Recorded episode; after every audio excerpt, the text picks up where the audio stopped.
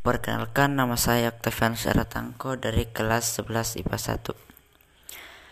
Strategi Pergerakan Nasional Sejak awal 20 perjuangan bangsa Indonesia memasuki fase baru, pola perjuangannya berbeda dibanding masa sebelumnya.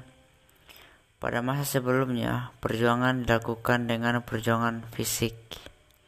Pada masa ini, perjuangan dilakukan melalui organisasi pergerakan organisasi-organisasi pergerakan nasional memiliki strategi perjuangan yang berbeda-beda. Namun perjuangannya sama-sama dilakukan untuk mencapai Indonesia merdeka. Strategi Perjuangan Nasional Indonesia.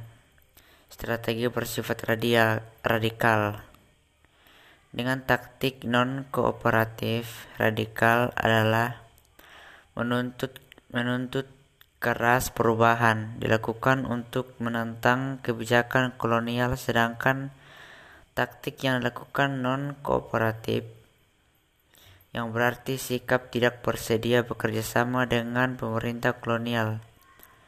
Taktik ini menekankan bahwa segala sesuatu yang dibutuhkan untuk mencapai cita-cita kemerdekaan Indonesia harus diusahakan sendiri. Kegiatan organisasi pergerakan radikal 1. Menggambleng semangat kebangsaan dan kesatuan di kalangannya melalui rapat umum, surat kabar, serta lembaga kependidikan. 2.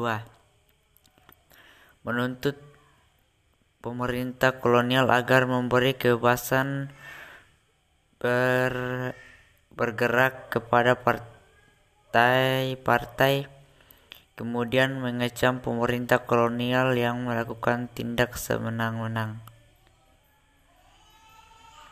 Tindakan organisasi radikal memiliki dampak buruk. Faktor-faktor yang menyulut krisis ekonomi pada tahun 1921 krisis perusahaan gula tahun 1918, pergantian kepala pemerintahan kolonial kepada VOC yang bersifat reaksioner. Organisasi yang menerapkan strategi radikal adalah Syarikat Islam, PI, PNI, PKI, Partindo, PNI Baru, Parmi, PSI. 2. Strategi modern taktik kooperatif. Perjuangan yang dilakukan menghindari tindak kekerasan berperilaku ekstrim. Kooperatif yang bersifat bekerja sama dengan pemerintah kolonial tujuannya mengusahakan kesejahteraan rakyat di bidang ekonomi dan sosial seperti bank dan kooperasi. Faktor penyebab golongan yang modern adalah krisis ekonomi dunia pada tahun 1929,